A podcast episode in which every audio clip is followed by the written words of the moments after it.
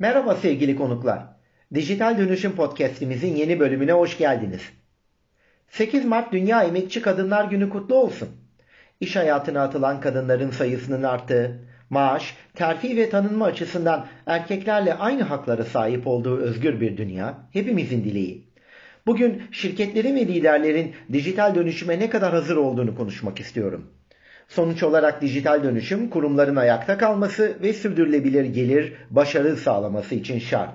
Örneğin PwC 2019 Eylül-Ekim aylarında bir anket yaptı. 1581 CEO'nun verdikleri yanıtlarda ise yakın gelecekte yapay zeka, nakitsiz ekonomi, açık arttırma tabanlı dinamik fiyatlandırma ve blok zincir gibi yıkıcı dijital trendlere şirketlerin hiç de hazırlıklı olmadığı ortaya çıktı. Raporu indirmek için podcast özetindeki bağlantıyı tıklayabilirsiniz. Raporda ilginç sonuçlar var. CEO'ların %53'ü 2020'de ekonomik büyümenin yavaşlayacağını söylüyor.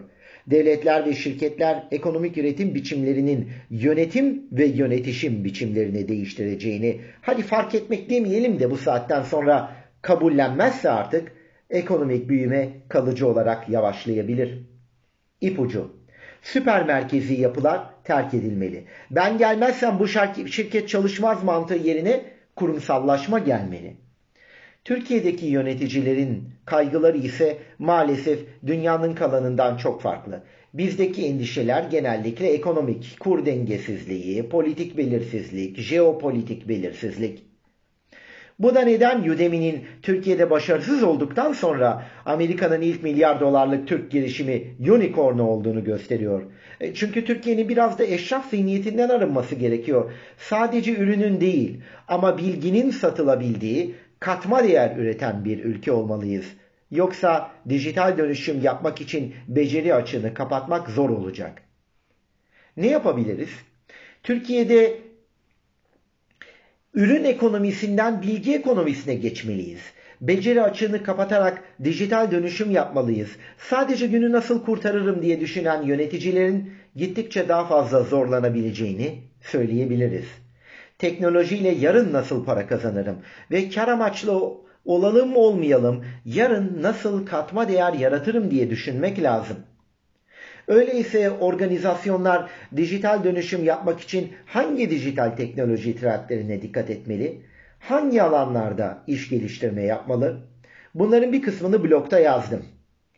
Ee, mesela kuantum internet ile siber güvenlik, yapay zeka ile moleküler endüstri, uzaydan internet, Starlink şirketi, yaşlanmayı geciktirme, yeni nesil iklim ekonomisi, kök hücre ile ultra kişiselleştirilmiş tıp, blokta yazdığım konulardan bazıları.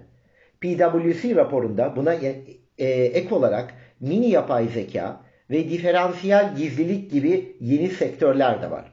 Peki biz Türkiye'de hangi trendlerin farkındayız? Genellikle 3-5 yıl önceki trendleri neyse ki hala gerekliler. Bunların bir kısmını da blokta yazmıştım. Nanoteknoloji, özellikle de insanlığın sonunu getirecek en tehlikeli 5 teknoloji, biyoteknoloji, vücut internetiyle beden hackleme, yeni meta materyaller, e, İspanyollar görünmezlik pelerinini geliştiriyor yazın. Otonom araçlar, otonom araç sektörü 4 trilyon dolar olacak e, başlığındaki yazım.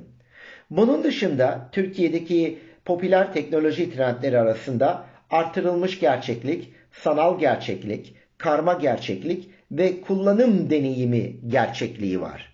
Bir de siber güvenlik, 5G ve elbette ki dijital medya, yapay zeka destekli dijital pazarlama, online reklamlar.